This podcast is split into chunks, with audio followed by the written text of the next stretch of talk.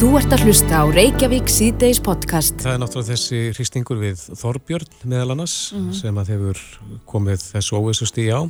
Já, meirinn þúsund skjáltar hafa einmitt mælst við Þorbjörn og Faradalsfjall Já, á miðnætti. Já, mm -hmm. akkurat. Og bæjarstyrunni Grindavík uh, sagði í dag við, í samtalið við Vísi að óþægild að vakna aftur þennan veruleika en mm -hmm. íbúðinni séu orðni vanir. Mér minnar ég hef heirt bara núna fyrir stemstu síðan uh, Þorvald Þorðarsson, eldfjallafræðing, segja það í bítinu, morgun þetta um okkar, að, að hann byggist jafnvel við jólagósi, en Þorvaldur er á línu, kom til sæl. Ég kom á dag. Er, stendur við það? Er, er vona á jólagósi? Eða fáum við það fyrr? Ég, það er nú erfitt að segja til um það, en, en hérna, ef að landrið sé heldur áfram Eh, undir fardarfjalli eh, með þeim hraða sem það hefur verið á núna á undarförnu þá er nú kemur góðs freka fyrir en setna sko. Já, en þessi miklu kipir núna og stjáltar eh, segja þeir okkur eitthvað? Breytir það eitthvað stöðunni í dag? Það er erfitt að fyrir mig að segja til það að ég er svo sem ekki ekki hérna sérfæðingur í jæðskjáltunum en þetta virðast vera hérna sníðgengi skjáltar þannig að það er hugsað að þetta gengis kannski meira reyfingu á blötuskilunum heldur en kannski kvíkur reyfingu þarna undir mm -hmm. uh, allavega að vona ég það Já, en það er uh, vel uh, fylgst með svæðinu og uh, er auðvelt að fylgjast með þá reyfingu kvíkunar undir yfirborðinu? Nei, það er aldrei auðvelt því að þetta er allt saman gert á óbeinan hátt og skjálta þeir myndast þegar að skorpa brotnar og hún getur brotnað eh, vegna þess að það er, hún er undir þess að hún brotnað er undir álægi sem getur verið vegna þess að það kvikir að tróðast inn. Mm. en það getur líka verið komið til bara þeinlega blötur reyfingu Já. Þannig að það er, í allskjáltar er ekki saman sem ekki á kvikurreyfingar En er þetta alltaf svipuðum slóðum þarna og, og hefur verið þessar jarðfræringar núna? Það er nú, þarna í Þorbjörnum, það er nú doldið vestara. Það var nú í 21 góðsum, þá tegði skjáltaveitins þarna vestur eftir líka og þú var það náttúrulega voru fínur þarna 2020, ef ég mann rétt. Mm -hmm. Og uh, landrið sem verið styrra mest undir fardalfjalli á kvipuðum slóðum og, og kvikan þess að kvikugangurinn myndaðist og, og kvikan kom upp í góðstunum á 21-23 mm -hmm og uh, ef það kemur til góðs þá og ég nú frekka vona því að það komi upp á þjóðblöðslóðum og það er verið að gera undir höfnum árum. Já. En svo er eitthvað að gerast við barðabungu eða ekki? Það er alltaf ykkur barðabunga og barðabunga er eins og mörg, margar af okkar elstöðum er að þennjast út eh, sem því það, það er byggjar að sapnast fyrir undir elfjöldum. Er eitthvað tengsla millir þessar að tætja staða? Nei, það finnst mér nú vera mjög ólíklegt þannig að það er nú, er nú dák og vegur þetta milli en það er engin beinvöku að tengja milli, milli þessar staða en aftur á móti verður maður alltaf að hafa það í huga að Ísland, um Ísland líka plötuskil mm -hmm. og uh, það eru reyfingar um þessi plötuskil sem að, að búa til spennur sem síðan losnar og, og þegar losnar með spennunum þá getur opnast leið fyrir fyrir kviku og, og spennu ástandið sem á þessum pötuskilum yfir landið getur verið svipað á, á mismunandi stöð. Mm. Þannig að það geta fleiri neitt staður verið sem sagt í, í, í, í þannig stöðu, stöðu að þeir getur góðsitt. Já, þannig að þeir eru að vakta ansi marga staði á, á sama tíma? Já, þetta er, þetta er stórt svæði, þetta er náttúrulega eitt stærsta hérna elgosa eða fjallasvæði hjartar sem, sem er Rómafjörð Ísland. Og, og við erum, erum með mörgað fjöll og, og uh, svo mörgað við blokkum við í eldstöðakerfi og eldstöðakerfin eru 30 mm -hmm. eftir ágóðu sletti í, mörg, í hverju eldstöðakerfi eru mörg, mörg eh, eldfjöldi sjálfu sér Akkurat. En eh, eru þessar jarðsæringar þarna á þessu svæði núna þar að sjá Reykjanesinu, er þetta merkjum að það sé eitthvað kvika á ferð þarna? Ég er, eins og jarðskjápavirkni undir, undir þorbyrni, ég er ekki viss um það og, og, og við vill ekki, þess að ég segja nættu það, þess að ég er ekki, í aðstöðu til þess að, að, að tólka það augnumvíkina en það er alveg augljóst að það er kvikusöfnun undir færadalsjalli og hvort að þessi skjáltarhinnar sem, sem núna er í þorbinni hengist eitthvað þeirri söfnun, kvika sem kemur undir færadalsjall hún hérna sem sagt er þá að, að bumpa sér þess að luttalandir upp og, og auka þrýsting og það var náttúrulega einhver spennuna í skorpunum frá ofan og, og hún getur náttúrulega rokkið til og það má vel vera áhrifin frá þessari, þessari, þessari landrýsi undir við faraðarfjall að, að, að það sem sagt hafi komið að stað þessari skjáltarfinu við Þorbjörn. Mm. Það er alveg hugsanlegt. Nú búið að lýsa yfir óvissu stíi, gerur ráð fyrir að, að það verði bara næstu daga eða jafnvel vikur þó að ekkert gerist? Það er, þetta getur dáð út til að rætt og eh, en getur líka haldið áram í eitthvað tíma. Það fer alveg eftir uh, hérna bara hversu mikið spenna hefur byggst upp þarna og, og hvað tekur langa tíma að losa úr henni. Já, en það er ljóst að það er hafið eh, góðs tímabil sem að mun standa ansi lengi yfir. Það hefur nú verið það ekki góðs á, á hverju ári núna undanfarið?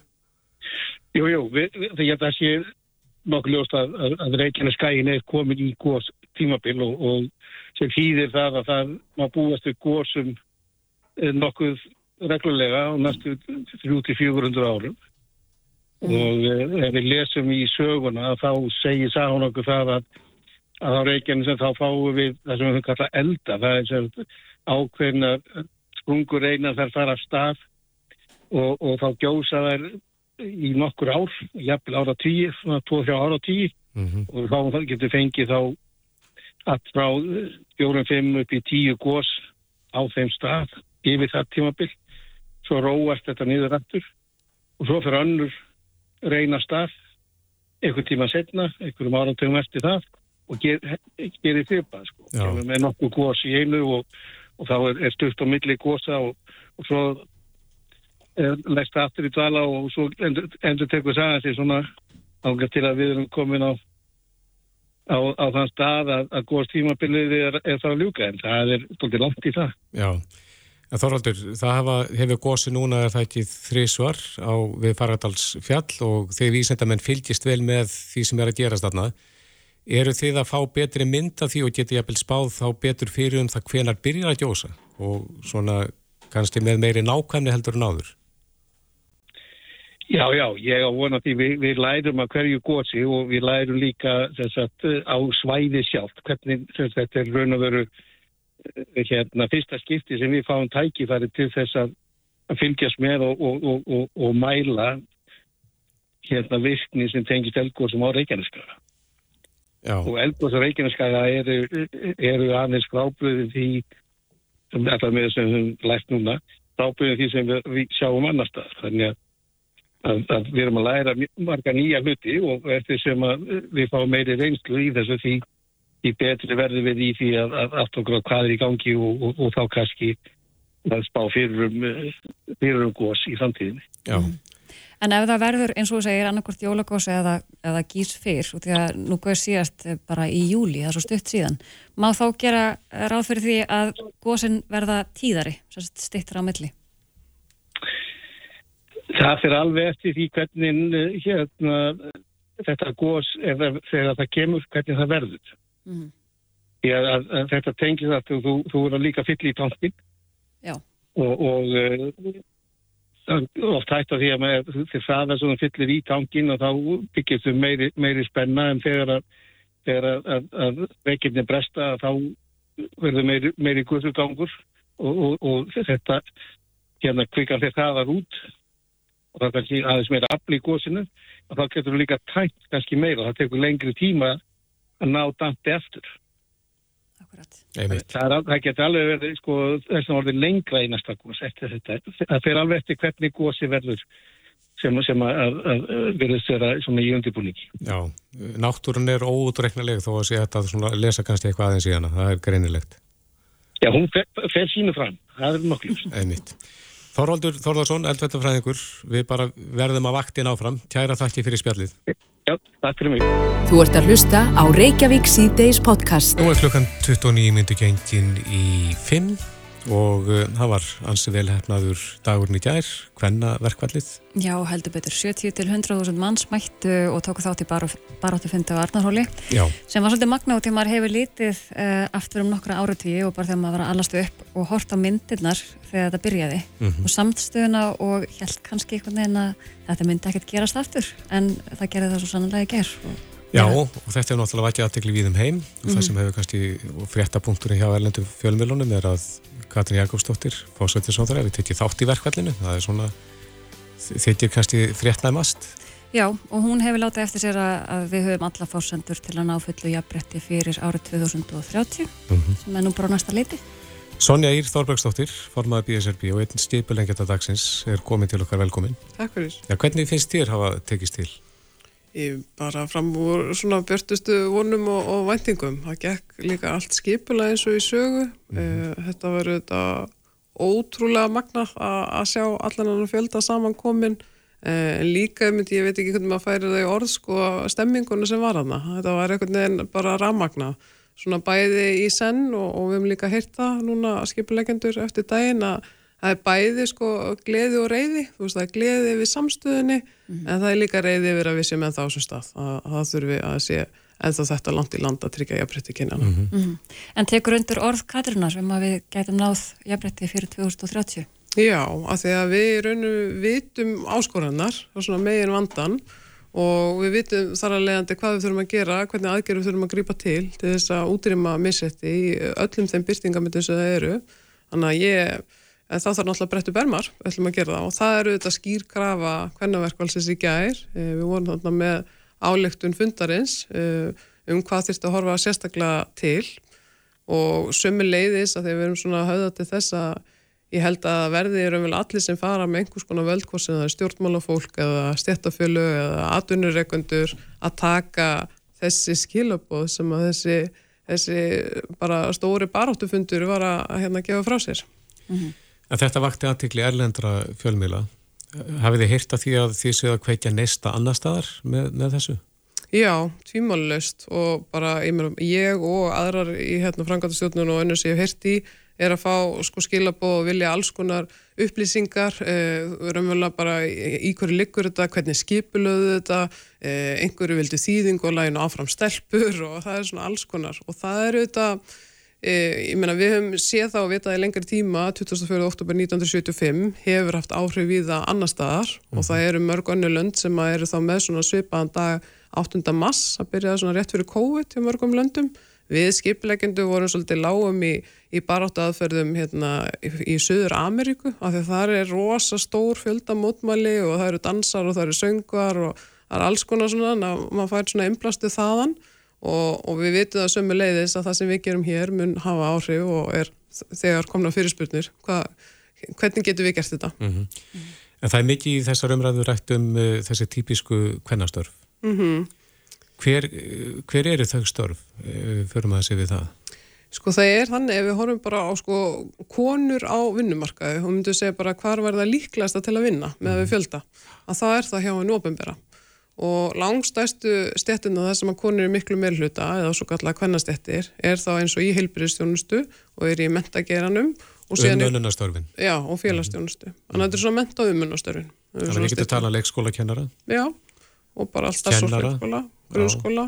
Hjókunarfræðingar Svo ertu komin í sko umönunar aldaraðara og hérna í aðstofið, fatla fólk og þetta er svona vísaður um samfélagi allt það er svona eiginlega sem enginn eru flest öll eru sem nánu persónlega samskipti og svo ertu kannski með svo ræstingar sem eru fórsönda þess að til að missa sér þetta reyka heilbjörnstjónustu og svo framvegis mm -hmm. Mm -hmm. En er ekki bryndið mitt að, að hækka laun þessa, þessara hópa? Jú, rannsóknir sína það að, að sko þetta með það að við erum með kvennastettir eh, að launin þeirra eru miklu læri og eru umvel að lægsta vinnumarkaði samanborið við þá eh, stettir sem eru meðlutu til kallar eða blandaðar stettir. Þannig að það þýðir að við grípum til aðgerða til þess að bara einbet okkur á þessu launamun eða missetti að þá erum við að taka stærsta mögulega stökki áttina því að útrýma launamun kynjana. Þannig að mm. þetta er aðgerðin sem verður að koma fyrst, það er að horfa til þess eh, hvernig við leiðrættum vannmata á svo kvöldum störfum kannastjæta. Já, en sum hvernastörfin eru, þetta er sprenglært fólk sem að vinna þessu störf. Já. Eins og bara tökum leikskólakennara með fimm ára háskólanám að baki mm -hmm. og það hefur lengi verið talað um það að endur reikna virði þessara starfa Já. hvernig er, er, er það gert? Sko rannsóknir sína að langt besta leiðin til þess að leiðrætta þetta vannmat eh, er með því að framkama svo kalla virði smat, þátt að meta virði starfana. Það sem hefur þetta verið gert hérna heima eins og með jafnlunavottun er að það hefur verið mikil einbettinga því að átt að segja allar með skort að sé launamunur innan landspítala en í staðin fyrir að taka þá landsbítalan og skoða þvert yfir alla stopnarnir ríkisins, til dæmis einhver sem er einhverju svona fjármála þjónustu eða einhverja álíka eh, að meta, þú veist, er þetta sambarlegt eða eins og leikskóla kennararnir og tökum þau innan sveitafélagana eh, það er þegar starfsmatti í gangi þar en við sjáum sko að vannmatti likur fyrst og fremst í þessum geirum í heilsinni, það þýðir að þú þarfst að fara ofar í 30 sveitahæðina og skoða sveitafélagi heilt mm -hmm. og þau eru að gera það með starfsmatti en svo er það oft þessi önnu laun sem að bætast ofan á sem að hýfi fólku upp. Þannig að við tökum til dæmis að við myndum skoða eitthvað sveitafélag og myndum skoða bara hvernig eru launin á velferðarsviði að þá er kannski engin möguleikar á yfirnutími að öðrun launum sem að kalla sem eru vel til að reyna að draga sérfræðingana inn en þau fá þá mun fleiri þannig svona auka greiðslir sem að starfa allæmis innan stjórnsýslunar eða í einhvers konar fjármálum og svo framvegis fyrir. Svo sjáu það líka stundum aðeins í svona kallægari geirum að, að þeir sem er að vinna við íþróttamannverkin að þeir, það er líka einhver svona samkjöfnishugsun örlitil þar inni sem að hérna, hefur áhrif. Og svo því miður að við verum öll með svona ómeðuta hlutrækni að þá sína rannsóknir það líka að þegar það er svona mikið land og við erum svona, og því miður þá er ennþá þessi hugmynd svona ómeð þetta með okkur um fyrirvinnu hlutverk kalla af því það er ekki svo, er, þó að þessi komin áratýr að þá samt að því að stundum erfist svona hugmyndafræði kynsla fram á kynslu að þá getur þetta líka verið þetta að það er e, og, og rannsóknir sína það að, að það er umvel að þú ert að reyna að hýfa upp launin hjá kallinum á vinnustanum frekar en konunar af því að ómeð þetta horfur á hansi fyrirvinna og sínu heimili en ekki konuna Mm. En er þetta að fara í endur útreikninga virði þessar starfa án þess að ykkur fara í fílu? Ég, ég veit ekki með það. Án átaka. Eða svona, já, að þess að öðrum stjættu finnist það sannlega ósangjant. E, sko, í grunninn að þá er það þannig núna að það er kannski svolítið lengri saga að segja frá því, en e, við erum búin að laga jafnluna ákvæði jafnprittslagana hjá okkur. Þannig að, að laga ákvæði sem fjallar um það að tryggja jöfnlaun fyrir jafnverðmælstörf Við vorum ekki alveg að tólka það með réttum hætti að búa að laga það núna sem þýðir að ríkinu ber skilda til þess að tryggja þetta sem ég var að tala um áðan. Að þau eiga að horfa þörrt yfir stopnarnir og tryggja jöfnlaun fyrir jöfnvermaðstörf alveg sama hvar þú vinnur. En þá þartu þetta og það er alveg helgarna verkefni að kortleggja þessi störf mm. og metta þau. Og hjá hverjum er sá bólti? Hann er auðvitað hjá þeim sem að fer með hérna, starfsmannamál ríkisins og það er hjá fjármálaranundinu en hins vegar hefur verið verkefni í gangi á vegum fórsættisrandisins sem að líka fjármálarandi á sæti í þeim hóp og sömulegis aðla vinnumarkaðins þar sem að við erum e, núna í þróunaverkefni. Við erum svona að reyna að sjá hvort við getum búið til prototípu að svona virðismatskerfi með fjórum stopnunum og við erum að vonast þess að klára það fyrir áslokk og, og síðan er það bara í framhaldinu að, næst, að skoða næstu skref. En í ljósi þess að þetta er allt svona, allar aðgerði vanandi í upplögin Eh, eru svona, já, oft í þróskaferli að þá held ég við sem klála komin á þann stað að næsta stóra skrif er að tryggja hjá ríkinu eh, að þessi virðismannskerfi sem næri yfir öll störfum þar undir. Og svo eru þá nú þegar hjá sveitafélagunum en bara varandi grunnlaunin þannig að það þarf að byggja ofan á það og endur skoða kerfið. Og svo ef við horfum á almenna vinnumarkaðin að þá erum vel að þau þurfa að hafa einhvers konar kerfi svona til þess að metastörfin sangat þau sem eru með hérna jafluna vottun en ég held að næsta skref sé að tryggja að þau séu með betri verkværi og jafnvel að það sé mm, eitt kerfi þú veist, þá eru við að tryggja að það sé ekki jafnvel verið að skýra burt launamunin inn á vinnustafa mm. Hljómar er svo mjög umfangs mikið verkefni hvað telur þau að uh, bara ef við höfum tíma ramma tekur þetta mörg ár eða í samkvæmt? Sko, varandi þetta, þetta er náttúrulega lagaskilda á ríkinu og við sjáum það í öðrum löndum að það hefur verið fjöldi dómsmála þar sem að heilu stettinnar er að fara saman í dómsmál og er að fá viðkenning á því að þeim að vera mismunni í launum. Eitt dæmið, til dæmis að við tökum eitthvað sem er umunn aldara og er að bera sér saman við eitna, hérna, fangavörð. Og, og þá erum vel að var viðkend súkrafa, þetta var Nýja Sjálandi og þetta hefur líka verið Breitlandi það þýðir að það er leiðrætt fyrir alla starfstettina þannig að í staðin fyrir að fara í gegnum þetta ferli allt árum saman, þá telum við betra að við klárum þetta virðismat af og það ætti ekki að taka það langa tíma um, ég, ég er að horfa til svona kannski ársfram í tíman varðandi það hjá ríkinu en svo eru þetta allt annað og það þurft að semja um það sérstaklega eða að gera já, einhvers konar samkominnlag uh, á milli aðal og almennu vinnumarkaði Einmitt. Greinilega þá verka vinna. Já, það að verka með vinna en Já. það er hægt að gera þetta ráttu vel Sonja Ír Þorbergsdóttir, formaður BSRB. Kæra þakki fyrir komuna. Takk fyrir Þetta er Reykjavík C-Days podcast. Það er spurning, hvað kostar uh, það að sitja umferð þjóðfélagið? Við vitum það að Njáll Trösti Friðbjörnsson var að formaður fjárlaga nefndar uh, og nefndamaður í umhverfis og samgöngunemnd þingsins er að velta þessu málum fyrir sér uh, með fyrir spurnum til innviðar á þeirra. Velkomin. Takk fyrir. Já, þú ert að velta fyrir þér umferð og hagvegsti. Hvað, hvernig Já, já, ég get líka staðfest þetta með miklubröðina. Þetta tók sinn tíma að að koma þetta um miðborginni og þingi nú enga uppbyttir. Þetta, þetta er í ansi, ég var nú hrættur í seitt. En hérna, þetta kostar samfélagi greiðarlega mikið. Og fyrirspunni snýra umlega því að við að, að fá svona betri upplýsingar um þennan tafakostnað sem er í umferðinni, bara eins og við erum að kynnast inn í borginni og sitjandi í þessu umferðarsúpu. í, í hverju gæti það komið fram? Er náttúrulega kannski meðal hann sem er svona í þessum fræðum, þá er nú kannski mikið litið til bara tíma sem fer aukalega í að fara með lag og bíu og ef það er eitthvað tafir upp á eitthvað ákveðna mínútur eða annað, þá er það ákveðin kostnaður. Já, Og- og hvernig veitur það? Er tíminn er dýrmætur en hann er kannski misdýrmætur? Já, það eru, fræðin eru með eitthvað, hérna, hérna einhverja, einhverja krónur á, á klukkustunduna og mínunar. Þannig að þetta er bara, maður er bara óska eftir því að, að, að fá eitthvað svona upplýsingar um þetta og kannski ekki síst heldur bara hvernig þetta, hveri, já, hvað mun gerast á næstu árum, sko. næsta mm. áratugin, næstu 15 ár.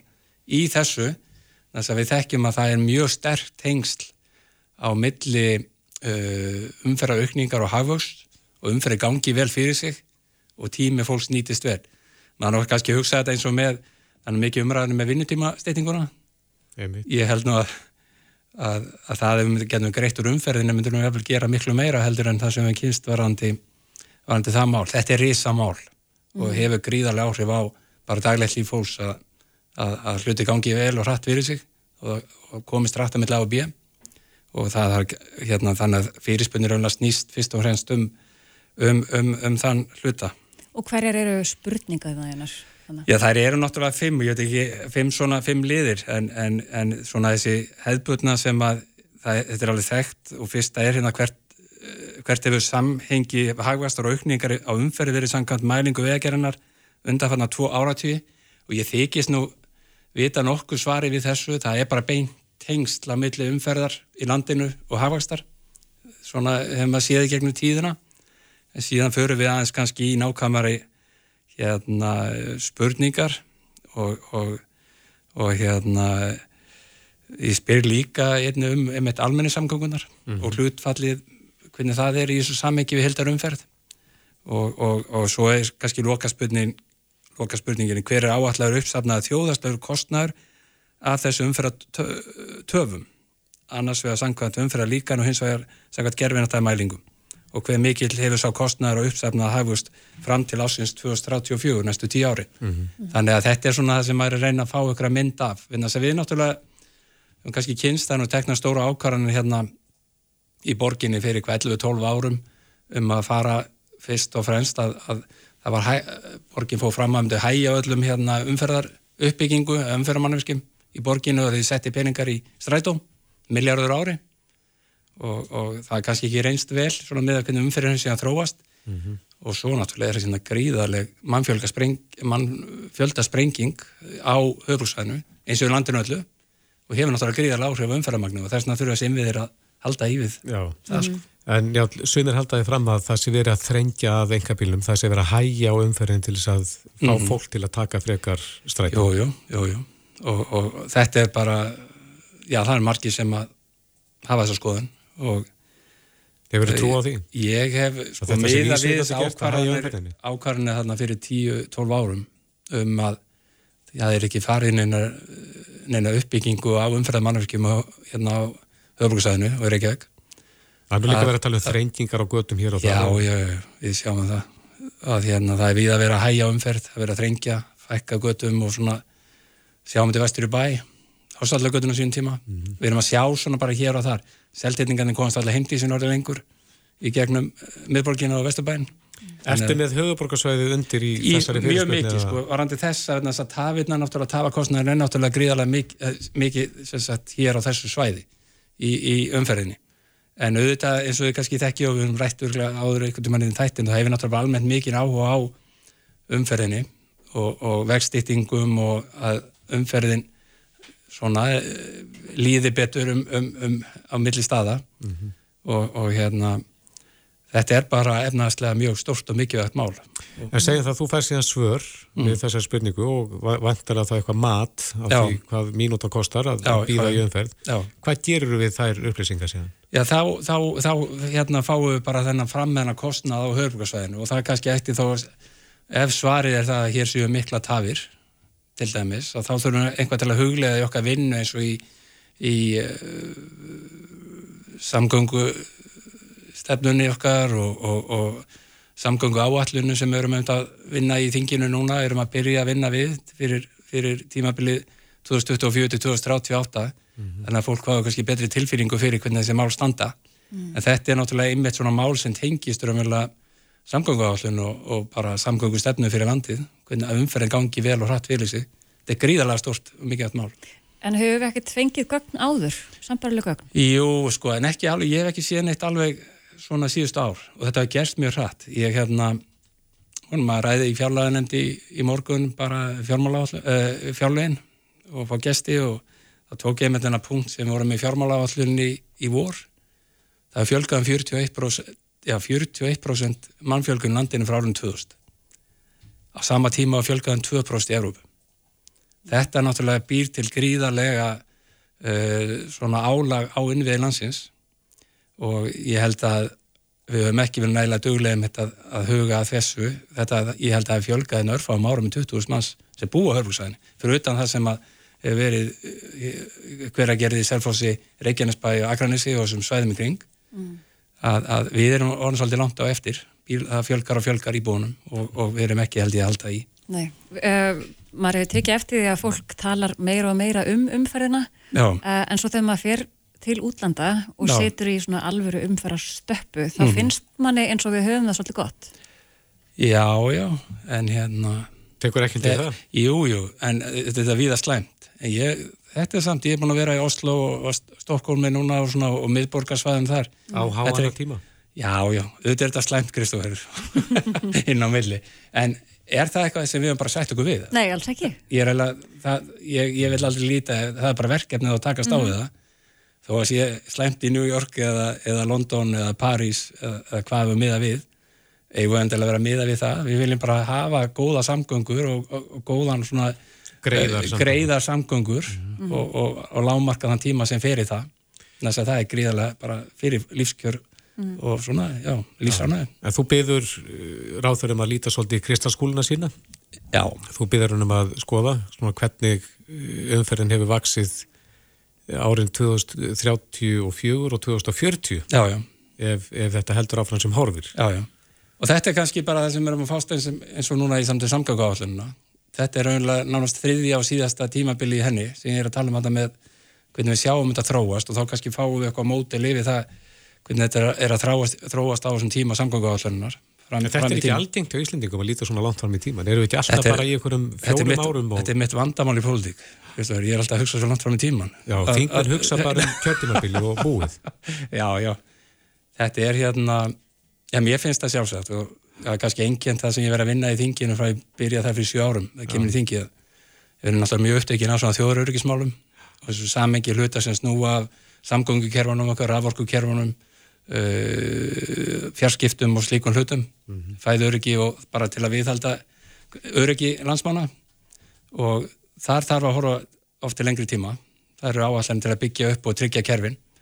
Og auðvitað er bara þetta er hluti í sjálf og sér samgöngu landsins er náttúrulega bara hluti af því að lámarka tafakostnað og, og, og, og tryggja þess að greiðu samgangur sem skipta verulega máli mm. Akkurat mm. Rétt kannski aðeins í lógin að mm. því ég veit og þú sagður okkur hérna áðan áður við fórum í loftið að, að þú ert að koma frá Svíþjóð þú varst þar á NATO-þingið það ekki? Jó Sví, Svíjar er að reyna að komast inn Svíjar er að komast inn og það bárust einmitt þau tíðandi bara inn á fundin uh, frá tyrknesku sendinundinni rétt áður en það var tilkynnt ofurbörlega að, að þegar að tyrkneski fósiti var að senda bref á tyrkneska þingið mm -hmm. um, að, um að, að það myndi hefja vinnu við að samþykja uh, umsókn svíja í NATO. Eru svíja þá konum við annan fótin eða? Já, ég myndi segja að þetta hafi verið mjög stórt skref uh, þar og síðan náttúrulega hljóta ungverjarnir að fara að klára sitt þessi, það voru finnar og svíja sem sóttu um að, að, að koma inn í NATO 18. mægi fyrra. Mm -hmm. og svíjarnir komi inn núna í april eru svíjarnir aukandi yfir finnarnir, en, en svíjarnir hafa náttúrulega svíjar eru mjög uppteknir af því ástandi sem eru uppi núna.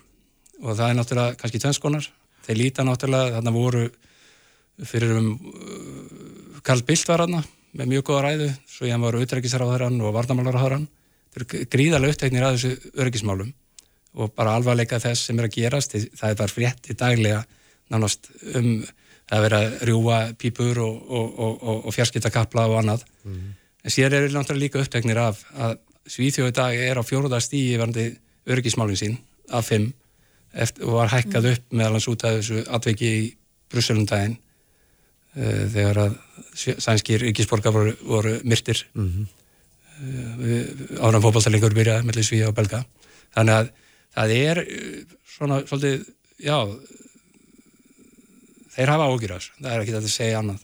Að, hérna, og vilja hraða þessum ferlum bara sem mest að verða hluti á NATO. Mm -hmm. og það er náttúrulega þeir fá náttúrulega mikið frá NATO þá í sínum örgismálum en ekki síður fyrir allarsast bandaræði þá er gríðalegu styrkur að fá Svíja inn í samstarfið og verða 30. annað naturíkið. Mm. En hvað útskýra þess að træðu hjá uh, ungverjum og svo áður tyrkjum? Já, þetta er náttúrulega, menn erum við náttúrulega reyna að kaupa eitthvað annað, að fá eitthvað annað í staðin. Það ég held ég geti alveg tala bara þannig beint út mm -hmm. og hérna þetta virðist vera nást núna þessi lending og, og ég held ég hef náttúrulega sagt á uppbyrlega áður að veit, kostningarnir í Tyrklandi í mæ voru að tefja ferlið mm. hjá, hjá Tyrkjónum mm -hmm. og, og, og hérna en vonandi er þetta alltaf réttilega nú Þetta er nú svona smá út út úr og út úr snúr, snúningu Ég get alltaf rætt um mál. Getur alltaf rætt um mál en svona ef við vítjum aftur að uppafsmálinu, það er þessu umferðinni hagvegstunum og hvaða kostar að býða í umferð hvernig áttu vonaði að fá sör? Já, þetta er vonandi 6-7 vikur svona hefbundið svo veit maður aldrei hvað, hvað það tefist eitthvað. Nei, við heyrum kannski þegar svörnum kom Það væri gaman að ræða, ræða þau. Já, Jál þingmaður, takk fyrir komina Gerða það ekki Þetta er Reykjavík C-Days podcast Hér á landi gilda engar reglur um hverju meg að spröyta fyllefni varir eða andlit mm -hmm. annara en nú hefur Viljum Þór Þórsson heilbyrjus á þeirra samið drögað reglugjörð með það að markmið að takmarka meðferði til útlitsbreytinga án læknisvæðilegs tilgangs Já, og lækna sögðum þetta í koppás að þeir hafi ítrekkað og í áraræðir kalla eftir einhvers konar reglum um efnin. Mm -hmm. Þannig að þeir hljóta að fagna. Já, nú er þessi reglugjör komin í samráðsgáttina og uh, við erum með þá línunni. Jennu Huld Eisteinsdóttur húlækni á húlæknastöðinu sem við höfum nú reynda rætt um þessi mál við áður. Mm -hmm. uh, kom til sæljana. Já, komið þess. Já, þú hefur aðeins kynnt þér þessar hugmyndir Vilums. Hvernig líst þér á þær?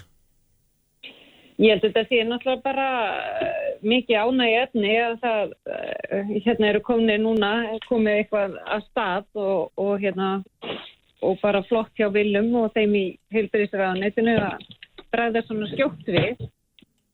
Auðvitað alltaf leiðilegt þegar það þarf eitthvað svona, alltaf eitthvað horrorsögu til þess að koma hlutum að stað en það er bara veruleikin sem er í dag. Mm -hmm. Já og nú hafa draugin verið samin í ráðanetinu og lögð fram til umsagnar uh, tilur að margir eftir að senda inn umsögn?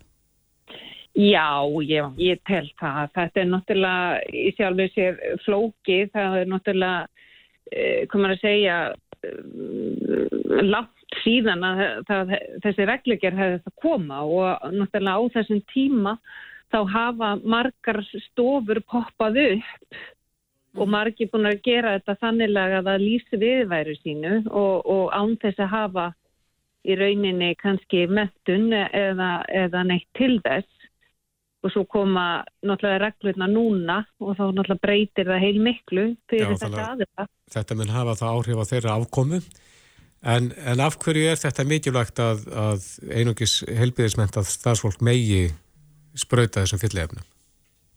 Þetta er náttúrulega öryggi, öryggi fólks, öryggi sjúklinga að það sem viti að það sé í réttum höndum, að það sé á fagaðilum sem að viti eitthvað hvað þeir eru að gera að það sé þess að spröyta í rauninni lifi að aðskota hlutin í andlit og, og það getur haft alvarlegar afleggingar ef það er ekki rétt gert.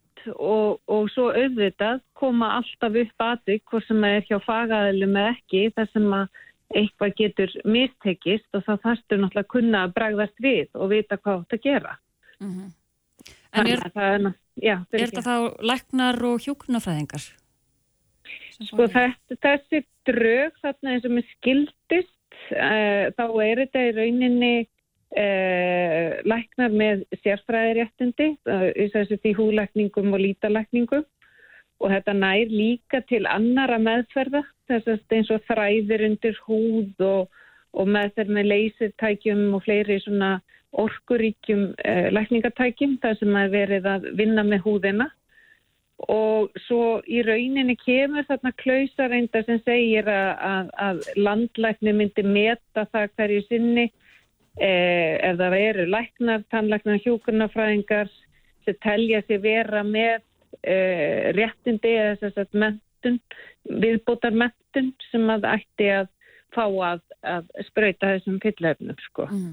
Er eitthvað vita þegar er eitthvað vita hversu margir aðeila þetta eru sem eru þá annars vegar að spröyta þessum efnum og hafa ekki þá tilskilin uh, réttindi til þess eða, eða hæfi og svo hversu margir eru að, að fá þessa meðferð?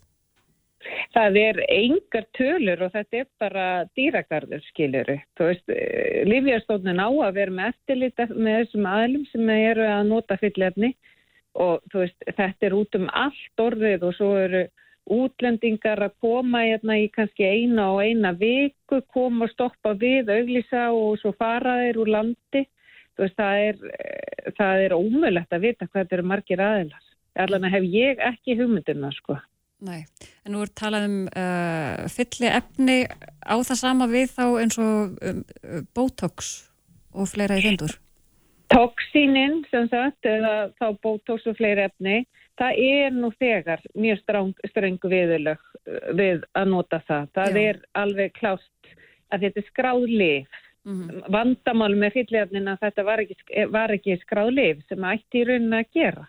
Og, hérna, og þá er, er mjög stránga reglur um það það er ekki eins, það almenni lækna með ekki meðandla tóksín, það var verið að hafa viðeðandi sérmyndun sko. mm -hmm.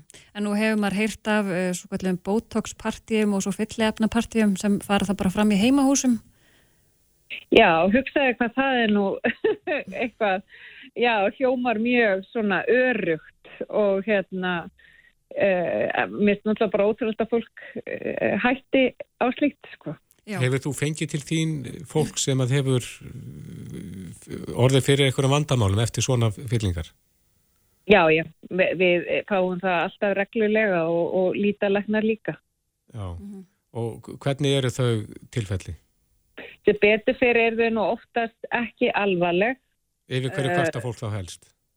Það er þá í rauninni bara að, að það hafi svona verið eh, sprautað og mikið uh, þeim ekki gefist færi á kannski að, að hérna, stjórna magninu sem er sett í uh, kannski bara sprautað í næriverðinu og svo bara að þeir væri búin með eina sprautu og hvort þú vilji ekki fá í efriverðina líka, skiliru þú veist, mm -hmm. þannig að þú situr þarna og hefur raunin þá ekkit val um hvað þú ætti að, að hérna fá og hérna alls konar í rauninni tilfelli sem kom upp en oftast er þetta þó að þetta hefur verið sett á mikið og flætt út um allt og, og þarf að laga þannig en ekki alvarlegt oftast er betur fyrir þetta ekki alvarlegt mm -hmm. En uh, í þessum draugum að reglugerð uh, talar um viðlög koma þau eitthvað framhanna hvort þau séu ströng? Nei, ég, ég nefnilega lagði þetta, ég sá það ekki en ég er svona býst við að það er náttúrulega eftir að gera, þú veist, þetta er reglugjörð og svo koma náttúrulega laugin setna og, og þá væri þá í rauninni, ég mynd býst við að þetta verði eins og Norðurlöndunum að þessi sjö ára fangilsi. Já, býstu við að þú munir stílin umsögnum þessa reglugjörð? Já, það er svona eitt atrið sem stingum með aðeins sem að, að ég hugsa að ég muni, við, við eigum náttúrulega eftir að ræða þetta líka í bara félag íslenskra húðlagna sem hópur og munu kannski öruglega þá senda, senda í rauninni undir því nafni. Hvaða atrið er það? Já, það er í rauninni þarna gefið möguleiki á að hjúkurnafræðingar starfi sjálfstætt einar út í bæ, þess að dán ábyrð læknis. Lýst þér ekki á það?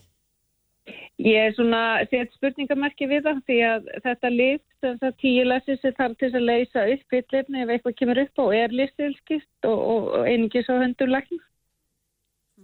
Já. Já, eins og kom fram í þættinum kompás og var það ekki einmitt eh, viðmælandi sem lendi í lífsættu vegna, vegna þessara efna? Jú, það, það var nefnilega leysaefni sem að getur valdið heftalum ónæmisviðbröðum, það er sjálfgætt en getur komið fyrir og, og, og svo stúlka lendi náttúrulega í e, mjög alvarlegu hérna bara hérna mjög alvarlegu til, alvarleg tilfelli í hennar að, að það því leiti að þarna var náttúrulega bara algjörlega ófaglæður aðeli sem fer í eitthvað læknist leik Já. Já. Og, og kann svo ekkert með það að fara Einmitt. Við sjáum hvernig þetta fer allt saman. Þetta er allavega komið í samráð skáttin og hægt að skrifa umsagni við, við þessar hugmyndir helbyrðis á þeirra. Jenna Huld Eisteinsdóttir, húðlæknir á húðlæknastöðinni. Takk fyrir spjallið. Já, takk fyrir. Bless, bless. Reykjavík síðdeis á Bilginni podcast. Gæja Reykjavík síðdeis heldur áfram. Aðeins að niðurstöðu viðhóskonuna við spurning síðasta sólaringin. Stiðu þú hugmynd þess efnis að fá hóp erlendra sérfræðinga til að meta kosti og galla í íslensku krónunar? Já, en það er þetta er búið að hugmynd vera- Mm. frá Viljarmi Birgisinni meðal annars. Skurat? Eh, og þeir sem að taka afstöðu til þessarar spurningar eru nokkuð jákvæðir á það og vilja fá þennan hóp sérfræðinga. Heldur betur. 81,1% svara því átandi. Já, þjóðin hefur talað. Já. Eða allavega hlustendur, bylgjunar hafa talað. Já, og lesendur vísis. Já. 18,9% segja nei. Mm En, uh, En þættinu bara spyrjaf. hmm, Þættinu bara spyrjaf. já, þættinum bara heldur betur bref. Það er fyrir spurn og hún gengur út á það, uh, það sem að uh, Selabankin hefur nú það stýritæki að, að hækka stýri vexti til þess að ná niður verðbólkunni og, og minka eðslu fólks. Já, búin að gera það núna alveg trekk í trekk. Já, og margir líta það sem bara reyna tilfæslu frá almenningi til fjármálastofnana og lánastofnana. Og þá er ekkert skrítið að fólk fara að hugsa út í aðra lausnir. Aðra lausnir eru til staðar. Og sá sem senda okkur þessa fyrirspunn, hann uh, stakk upp á því að fólk eru þá stikka til þess að greiða meira inn á húsnæðislánin og eignast þarlendi stærri hlut í eigninni. Er þetta möguleiki að tilfæslan er því á, í, á þennan, þennan veg frekar en hitt? Hann er komin til að ræða þetta við okkur, Ágúst Bjarni Garðarsson, þingmaður Framsónarflóksins og uh, varaformaður uh, efnags- og viðstíðanemnda þingsins. Velkomin. Já, rétt. Takk fyrir það, kjærlega. Þessi hugmynd hljómar svona bara sem tónlist í eirumanns. Já, já, það eru þetta betra að sjá fjármunni, mann segin fjármunni fari það að greiða niður einhver eign heldur en að, að það fari bara í hærri afborganir og endi hjá böngunum. Mhm. uh, en kannski til að byrja með sko að, að þá er þetta nú ekki fyrsta skipti sem að yfir þetta tímabil, ef við getum sagt sem svo, það sem að banki byrjaði að hækka hérna stýrivexti mjög bratt uh, uh, að þessu umræði kemur upp einhvers konar uh, sem sagt greiðsli inn á húsnæðislán. Við erum auðvitað með ákveðna leið fyrstu fastegn þar sem að við getum nýtt sérignarspartnaðin til þess að greiða niður höfustól sem er mjög góð aðgerð en svo hefur komið umræði líka bara um hennan gamla góða skilduspartnað sem að ég held að flesti þekki þó að það hafi kannski ekki upplegað hann. En svona kannist við umræðinu þetta hvort það sé skynsanlegt að, að, semst, uh, að fólk sé uh, sett í þá stöðu að setja pening og hann sé vel geimtur uh, en kannski Sem að fólk getur þá fengið aðgangað síðar. Já, en kannski til að byrja með að þá eins og þið nefni hér í ykkar eingangi að það eru þetta verkefni í Sælabankans að dragu þenslu og það sem hann hefur auðvitað verið að gera með þessum miklu stýrivaksta hækkunum og svo þetta bankarnir fyllt og eftir með vaksta hækkunum hjá sér eru auðvitað að taka bara fjármún úr, umferð sko, bara svo maður tali nú eitthvað einfalt tungumál í því. Það Þannig að verið, fólk fari ekki og eigði þeim í, í einhver tækið að tól eða... já, það er bara verið að reyna að draga úr neyslu, það er verið að reyna að já, bara taka peninga úr umferð og við auðvitað sjáum það, að það þó svo að það sé kannski mjög einfalt að segja að þessir þessi hérna, verðbólga sér tilkomi vegna eðslu bara okkar almennings að þá eru þetta margar ástæði sem búa þarna baki mm -hmm. ég veit að fólk eru orðið leitt á því að hera COVID og stríði í Evrópu en, en það sem að fyldi auðvitað uh, sérstaklega auðvitað þessum alheimsvaraldri COVID var auðvitað það fólk var heima og hafði minna svigurum einfallega til að ferðast og eigða penningum uh, síðan þegar uh, þær gáttir opnuðust að þá auðvitað fór fólk að ferðast meira og jafnvel endur, stuðla endurbótum á húsnæði og, og slíkt sem mm. við þekkjum auðvitað.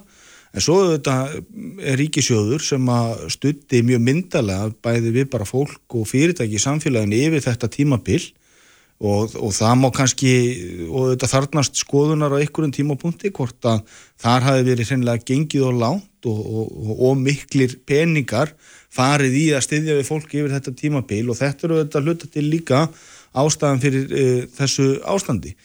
En ég held að því við erum að tala um þetta á þessum tímapunkti og á þeim tímapunkti þar sem við erum uh, vonandi allir að lefa mér að segja að sjá vexti lækka frekar en hækka og þá eru þetta að mínum að þetta er mjög ánægulegt að sjá að Sælabankin tók ekki það skref síðast að hækka vexti mm -hmm. heldur hafið það óbreyta og það svona gefa manni væntingar um, um það að, að við séum á, á komin á, á þann stað á fjallinu að við séum að fara niður en, en ekki upp annan hól þannig að ég veit ekki hvort að hugmyndir sem þessar væru gott innleg í dag en það eru klárlega eitthvað sem að ég held að við þurfum að læra af og kannski ræða síðar ef við förum inn í, við sjáum stefna í eitthvað svipað ástand. Þar að segja að mér finnst þetta að vera annarkort eða, við getum auðvitað ekki verið með stýrivægsta hekkanir og, og herri vextir, vexti hjá viðskiptabankunum og, mm. og þar með sé lánin okkar hækka og síðan eitthvað skildusbarnað, ég menna þá eru bara að taka peningin mm. tvísvar að mínum að því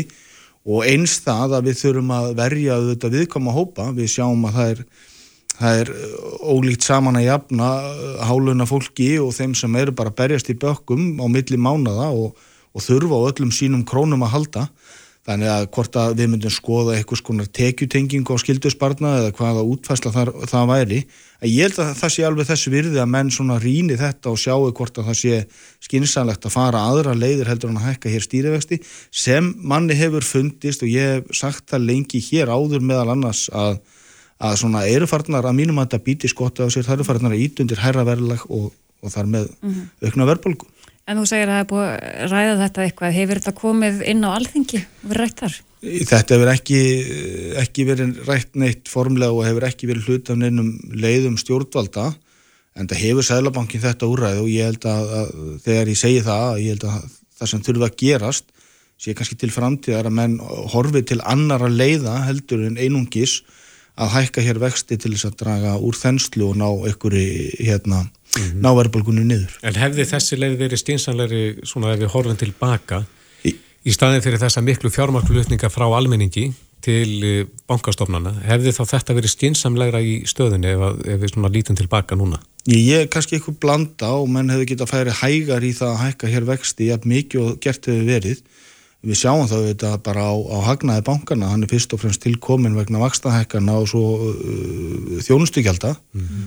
uh, sem er svona uppspretta þessar, þessar, þessar, mikils, þessar mikla hagnaður og ég held að, já, ég held að það hefði alveg verið hérna skinsanlegt að ræða eitthvað svona, svona blandaða leið og þá uh, þetta tekju tengdan að mínum að þetta er svona á þess að hafa rínda mjög mikið að að þá til ég að svo leið væri skinsanleiri og sangjarnari á allan hátt. Vegna eins og ég segi að við þurfum, það er ólíkt að, að taka x upphæð af eh, einstaklingi með miljón pluss á mánuði og þeim sem er með lámaslun og, hérna, og það þarf að finna einhvern millivegi þessu og ég held að já, að svona, þegar menn muni lítið baksinu speilin að þá held ég að einhvers konar svona útfærsla hefði verið hefði verið skynsaleg mm -hmm. í framkvæmt. Nú megum alveg ekki ráð fyrir því að, að svipað ástand muni koma upp eftir einhver ára eða ára tíu, en telur að við sem ístændikar sem horfum ekkert oft eitthvað langt fram í tíman að við tökum þessa hugmynd og, og ræðum hana útfærum þegar ástandi er að banna?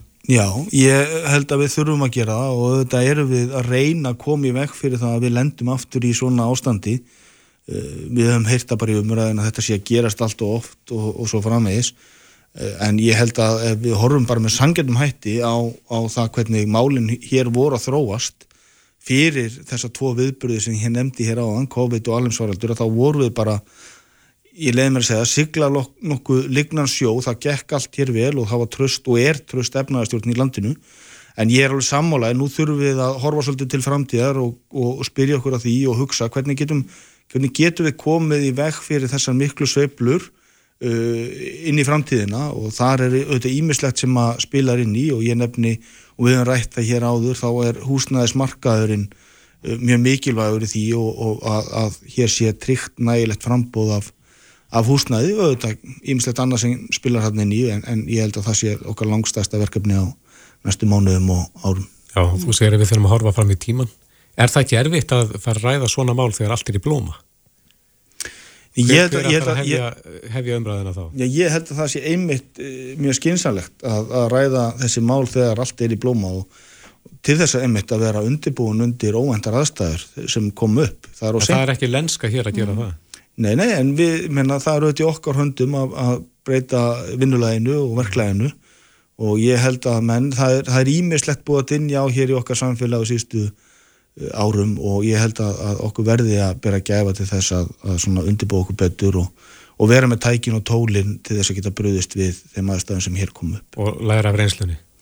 Og læra af reynslunni, það er mjög mikilvægt. Eh, við sjáum það, eh, kannski nefna þessu ótengt að við erum með í annara nefnd sem ég er í, varandi hérna rannsókn nefndum snjófóðan á, á Súðavík að það er ímislegt þar sem að uh, þrátt fyrir að nú séu hvað 28 á síðan að sá hörmulegi atbyrður átti sér stað og það slís mm -hmm. að það er ímislegt ennþá sem að við þurfum að gera betur og læra af sem við hérna búið að taka allan þennan tíma en, en við getum svo sannlega gert betur og ég líki þessu nú bara saman þó að þetta sé nú algjörlega ótengt en, en við þurfum að hugsa núna er einmitt, erum við bara í þessu ástandi og þá eigum við að vera að hugsa út í e, hið óvanda Segjum það gott, setja punktin hérna Ágúst Bjarni Garðarsson, þingmaður Framsónulóksins. Takk fyrir komina. Takk fyrir. Hlustaðu hvena sem er á Reykjavík C-Days podcast. Eh, ég held ég hef sagt að uh, áður að ég var til í að þær myndu syngja aftur, þess að annar lag, það er gott lag. Já, einmitt, og þær hef ekki sungið sitt síðasta. Nei, held ekki. Herði eitt móli hérna utan á heimi Eh, varstu búin að heyra, því ég veit að þú ert mikil hundakonna mm. Varstu búin að heyra af eldsta hundi í heimi Ég var sannlega búin að heyra honum eh, Sem að hétt, hann er nú hérna dáinn mm -hmm. Hétt Bóbi Og hann var 31 ás Og átti nú bara ekkert að lifa hérna, yngstu, eða bara mánuðina af út af því að það átti vist að Já, ég held að fjölskyldan verði ekki rétt að með mér að fjölskyldan eh, egnaðist korpa í flertölu mm -hmm. og foreldrarnir ætluðu að losa sig við korpana en strákunni þeirra faldi þennan. Já, hann bóbi lilla. Já.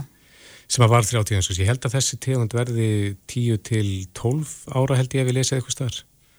En uh, þetta er svo aðeins til heimi. Herðu, svo er annar hérna móli, annar hundamóli, áður við heldum ekki lengra áfram. Hérna segir af fjölstyldi Kína sem að held að þau væri með stóran hund en uh, hann óks úr grassi og þau komast að því að þetta var uh, björn Já, hún ekki slasa sér við það að þessa uppgötun Nei, hann, hann náði 250 pundum hvað er mm. það? Það eru mörg kíló Það eru mörg kíló mm -hmm. snurðan því yfir hér á eftir Herðin, við erum fann að tala svolítið um jólinn og ætlum að gera það í næsta spjalli. Já, nú eru um, tveir mánuður til jóla og það eru öruglega einhverjir byrjar að kaupa jólagjafir mm -hmm. en það eru enn aðrir byrjar að kaupa jólagjafir fyrir uh, fólk sem það þekkir ekki. Já, hvað... Mm. Og yngri kynslaðina. Mm -hmm. uh, Hvernig við... gengur það fyrir sig? Já, ég skal nú bara segja það. Ég er með hérna tvær góðar mannsku sem geta sagt þér frá því. Það eru Vétis Kara Reykdal Ólafsdóttir og Hafrún Ósk Hafstensdóttir. Verðið velkonar. Takk fyrir. Takk fyrir. Þið eruð með Jóla kraftaverk og hafið verið með frá árunni 2014. Já, sko, ég, ég er náttúrulega byrjaði síðan. Hvernig komst þú inn í þetta? 2016. 2016. Þannig að jú, svona nánast frá byrjun. Jú. Og hver var svona uppaflega hugmyndin? Veistu, ég hef ekki grænan í alvörunni. Ég var bara, ég var andaka eitt kvöldið mm -hmm. og eins og ég sagði náðan uh, líklegast ný búin í fæðingarólu með annar barni mitt. Mm -hmm. Ég var búin með alla jólagjóðin hjá mér og Þess búinn að kaupa alla jólagjafir. Já, og þú veist, rétt öllum mínum, því að ég er með rosalega stóra fjölskyldu Mhm. og það var auðvitað um þetta leiti, jú, þú veist, oktober, einhvern tímann og svo bara voru hausinn eitthvað að stað og ég ákvað allt í henn að gera þetta einhverju leiti, ég bara hef ekki hugmynd af hverju, ég verða að vera hreinskilum með það. Já, þér- þér datt sem sagt í huga að það væri kannski ykkur úti sem að fá ekki gjafir. Já, það hefur örgulega verið alveg rosalega stór partur. Ég man að ég, ég hugsaði held ég aðalum jólaföt því að ég er með mjög hugmyndaríkan heila varandi sko fatnað en ég bauðist fyrst til að koma með sko annarkvört að sauma eða kaupa jólaföt svo færðist þetta yfir í gjafir og meira til núna í dag. Það er miklu stærra í dag heldur en, en hugsunum mínu var til að byrja með. Já, og eins og við vitum þá er jólinn bara mjög kostnæðasum og desember mánuður, reynist mörgum erfiður uh, og ekki allir sem hafa færa því að gefa börnunum sínum veglegar jólagjafir. Já, það hefur alveg komið að ljá sko. Uh, Þetta, eins og ég segi, núna í ár og við vorum að tala um þetta aðan, það var byrjað í hvað, miðjum, miðjum oktober miðjum oktober að rannast inn bara beðnir Já. sem mér fannst ótrúlegt að vera að byrja strax. Þannig að þetta er fyrr í ár og fleiri. margfald fleiri í fyrra þá byrjuðum við í byrjun november ef ég mann rétt og beðnirna koma hægt og rólega inn núna byrjuðum við miðum oktober og ég er konið upp í 140 börn á lista Já, nú þegar. nú þegar og það er ekki komið november Nei. Og þegar að líður svona nær jólum, ég teki eftir því aðlega þessi ár, þá verður þetta miklu, miklu meira. Þá, þá byrja fyrst beðnin að koma inn bara eins og að smetla fingrum, sko. Þá stækkar hópurinn talsvert Mhm. því nær sem dregur jólum. Þegar Já. fólk er bara í rauninu búin að fatta jágefni á þessu. Eða ég á eftir að rætta þessum og ég er bara alveg stöður. Mhm. Og fólk getur ekki verið að taka endur þess að yfirdrætti eða lán eða eitthvað svo leiðis fyrir jólagjöfum og vera að borga það allt árið út. Mhm. Það er bara einhver ringafellasa sem maður myndi koma sér í. Já, og þið haldið þetta út á Facebook og hafi gert öll þessi ár uh, og einmitt þið settu inn færslu og voru að byggja fólk um að huga, byrja að huga að þessu. Já, ég semst vanalega byrja á fæslunum og ég set semst inn að fólk geta haft samband við mig. Eh, Við erum líka með aðra stjórnendur, Holmfríður og Elsa. Elsa sér um Akureyrarsveið og ég semst segi fólki að endilega byrja að hafa samband fyrir en setna af því að þetta er alveg rosalega mikið magn af dóti sem að er að koma til okkar og beðnum og allir pakkin Mm. eins og til dæmis núna, ég er ekki með svefnherbyggi. Það er allt þakið jólagjöfum, skógjöfum og bara öllu. Og um leið ég sett inn fyrsta póstinn, hérna í miðjum oktober, að það bara, þetta varð rosalega mikið. Er þetta tíma. beðni frá fólki sem að, sem að vill fá aðstóð? Já. Og svo eru við líka með fólk sem að býðst til að aðstóða. Ég er til dæmis með mannesku sem er að aðstóða heila fjölskyldu. Jólagjafir, uh, skógjafir, mat, klipping, bara allur pakkin. Mm. Og þetta er kannski ein manneska sem hjálpar til með þetta. Og svo er ég kannski með aðra mannesku sem hjálpar til með jólagjafir fyrir átta börn. Já.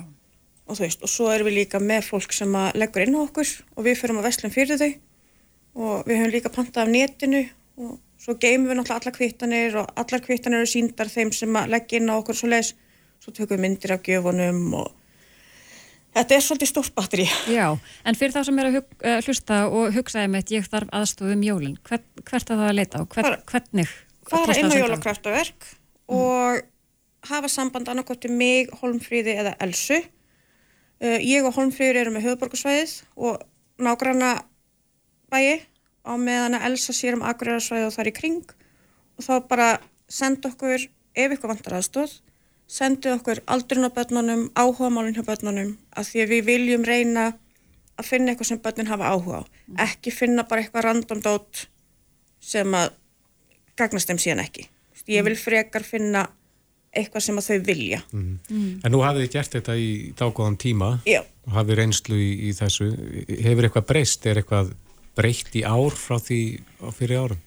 Já, við vorum myndið að ræða þetta en það er komið miklu meira svona, út fyrir þetta. Er, það er hárgrísli fólk er að taka þátt í og bjóða fólki klippingar. Það eru ljósmyndar að mynda fjölskyldur það eru margir listamenn sem er að bjóða fram einmitt, merkimið á dagatöl og bara einhvers svona listaverk Já, þannig að fólk er, það er fleiri að bjóða fram Já. aðstóð sína. talsvert og þú veist miklu víðara Já, en en svona hjálpar, en svona hjálpar beðnunum, er, er eitthvað breyting þar? Breytingi þar er bara að þær eru að aukast. Það eru fleiri. Það er verða bara fleiri og fleiri og fleiri. Já. En síðustu ár, hafið þið getað hérna, uh, afgreitt allar umsóknir? Í flestum tilfellum náum við að afgræða alla beðninar. Já. Það er, ef það er eitthvað svona alveg í blá lokin, að þá set ég inn post og ég bara, herðu, þú veist, ég er með nokkra fjölskyldur sem er ekki komið með neina aðstóð, er einhver sem getur hjálpað og í flestum tilfellum að þá er alltaf einhver sem stekkur til. Og hvað segir fólk þegar það sendir ykkur þessa beðni? Er það að lýsa aðstæðin sínum og... Stundum lýsaði aðstöðum sínum, stundum eru bara herðið með vant að hjálp, en ég hef líka alveg fengið sögur af konum sem að er að koma út úr alvarlegum ofbildissamböndum. Ég er með sögur af konum þar sem að þeim er hent út á göttuna með fimm börn, þú veist, og þetta, það Hvernig er, tekur á. lesa, hvernig er að lesa svo Það, það er ógeðslega sárt vegna þess að fyrstu tvö árin á síðunni þá þurfti ég aðstóð. Já, sælfræði. Mhm. aðstoð. 2014-2015 fekk ég aðstóð á síðunni Mhm. og þannig kynntist ég síðunni. Já. þannig að þú hefur verið á hinum endanum sjálf. Já. Já, já. Og það er mjög þægilegt um þetta fá stjórnanda sem skilur það. Mm. veist, sem er að koma byggðir með aðstöð og fer svo í það að hjálpa, Mhm. taka við. Og eins og ég segi það þarf ekkert að koma með einhverja glæsisögu eða sorgasögu til okkar, við þurfum ekki að vita að það er bara nóg að segja. Að við vantar aðstóð við erum ekki að spá neitt frekar í það. Það er bara að fara og reynda aðstóða Er ykkur ákveðin hópur sem er þarna stærri en annar? Einstæðamæður er yfirleitt stærsti hópurinn en við erum ekki bara að aðstóða einstæðamæður, feður eða foreldra. Við erum líka með ömru og afa sem að geta ekki gefið barnaböndunum sínu jólagjafir. Þú veist, af því það er oft hannig þegar þú ert komin á ellilífurinn, þetta eru strípaðar bætur og þú ert kannski með 11 barnabönd. Hvernig átt að geta gefið bönnum? Já, þetta eru mikil útgjöld. Þú veist, Þannig að þið fáið gjafirnar og svo eru þær frá ömmu og afa þá? Já. Já. Og það var sérstaklega, ég mann sérstaklega þegar ég tók við beðnum sjálf, ég reyndar eins og ég segi, ég hef að ég aðalega bara svona yfirlit með þessu núna, akkurat. Ég sjálf með fjögur börn, þannig að það er mikið að gera á mér, en mér fannst rosalega skrítið, sko beðnum sem ég fekk, það var rosalega mikið af feðrum sem voru að koma til mín Mm. þá á þeim tíma, ég fekk alveg mæður en mér fannst skrítið hvað komi margir pappar og verið að byggja um aðstóð sem voru um helgapappar og eitthvað svona mér fannst það eiginlega skrítnast af þessu þegar Já, ég byrjaði sko. Mhm. En hvernig útdeilið þið svo gjóðunum? Eru jólusönnabúningar og ég frétta því að Helga Möller hafi einhvern tíman sungið fyrir ykkur eða sungið fyrir bönnin? Sko, við höfum alveg útdelt með jólasinum, Mm. en vanin er sá, til dæmis við fáum gefnir til okkar og svo er ég í alveg heilangan tíma sortur hann í póka, skógjafur, jólagjafir. Svo aftur á móti er 14 ára sonu minn, hann er í því að afhenda fóreldrunni gefirnar. Hann byrjaði á þessu fyrir tveim árum og hún fyrst ekkert skemmtilega að því að hann segir bara, gjör svo vel, eigi gleðileg jól. Og svo fer fólk bara, ég hef fengið fóreldra sem er að gráta og hann er bara, þetta verður allt í lagi. Ég er með gafir handa börnum þínum. Mm að, Þetta er fallið hugsun hjá okkur og, og það er hægt að kynast þessu nánar inni á fjörsbókasíðunni Jólakraftaverk Mhm. og það eru 6600 uh, félagsmenn eða meðlimir eins og er. Og þið viljið vantalega fá fleiri? Að sjálfsög. Já, allir sem að geta lagt lið. og sérstaklega þá ef mitt einhverju jólasveina sko. það væri náttúrulega æði að fá þannig. Þannig ef einhverjum langar að heyra jólasveinunum til að vera með okkur þá bara please. Já, þetta er bara frábært hjá okkur og gangi okkur ótrúlega vel. Vétis Kara Reykdal Ólafsdóttir og Hafrún Ósk Hafstinsdóttir